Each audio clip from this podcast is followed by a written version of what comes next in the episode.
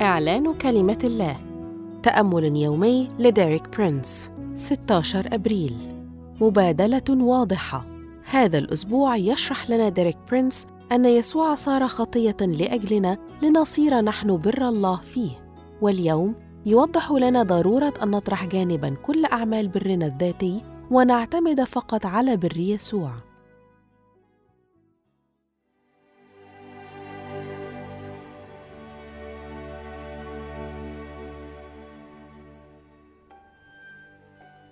يقول في كورنثس الثانية خمسة العدد واحد وعشرين لأنه أي الله جعل أي يسوع الذي لم يعرف خطية خطية لأجلنا لنصير نحن بر الله فيه.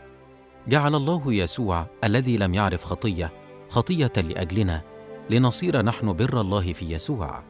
وهنا حدثت المبادلة. جعل يسوع خطية بسبب خطايانا لكي نتبرر نحن ببره. لاحظ أنه ليس ببرنا أصبحنا أبرارا ولكن ببر الله. قال يسوع في إنجيل متى 6 العدد 33 اطلبوا أولا ملكوت الله وبره وهذه كلها تزاد لكم. البر الوحيد المقبول في السماء هو بر الله الذي نستقبله بالإيمان بيسوع المسيح.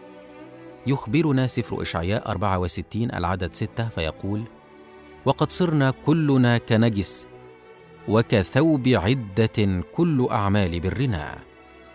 لاحظ في هذه الآية أن إشعياء النبي لم يقل أن خطايانا هي التي كثوب عدة أي كخرق قذرة بل قال كل أعمال برنا الذاتي هي في نظر الله هي مثل الخرق القذرة حتى أفضل الجهود المبذولة بغرض التدين كذلك الخدمة المعتمدة على قوتنا الذاتية.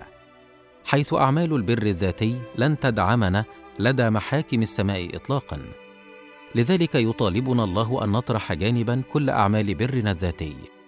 يجب أن نكف عن الاتكال على أعمالنا الصالحة وممارساتنا الدينية ونعترف بأننا خطاة وأن يسوع على الصليب صار خطية بسبب خطايانا حتى يتسنى لنا في المقابل أن نصير أبرارا ببره. أشكرك يا يسوع من أجل عملك على الصليب. أعلن أني أرفض بري الذاتي وأسعى لبر الله بدلا من ذلك لأن يسوع صار خطية بسبب خطيتنا لكي نصير نحن أبرارا ببره. آمين. للمزيد من الكتب والعظات لديريك برينس قم بزيارة موقعنا www.dpmarabic.com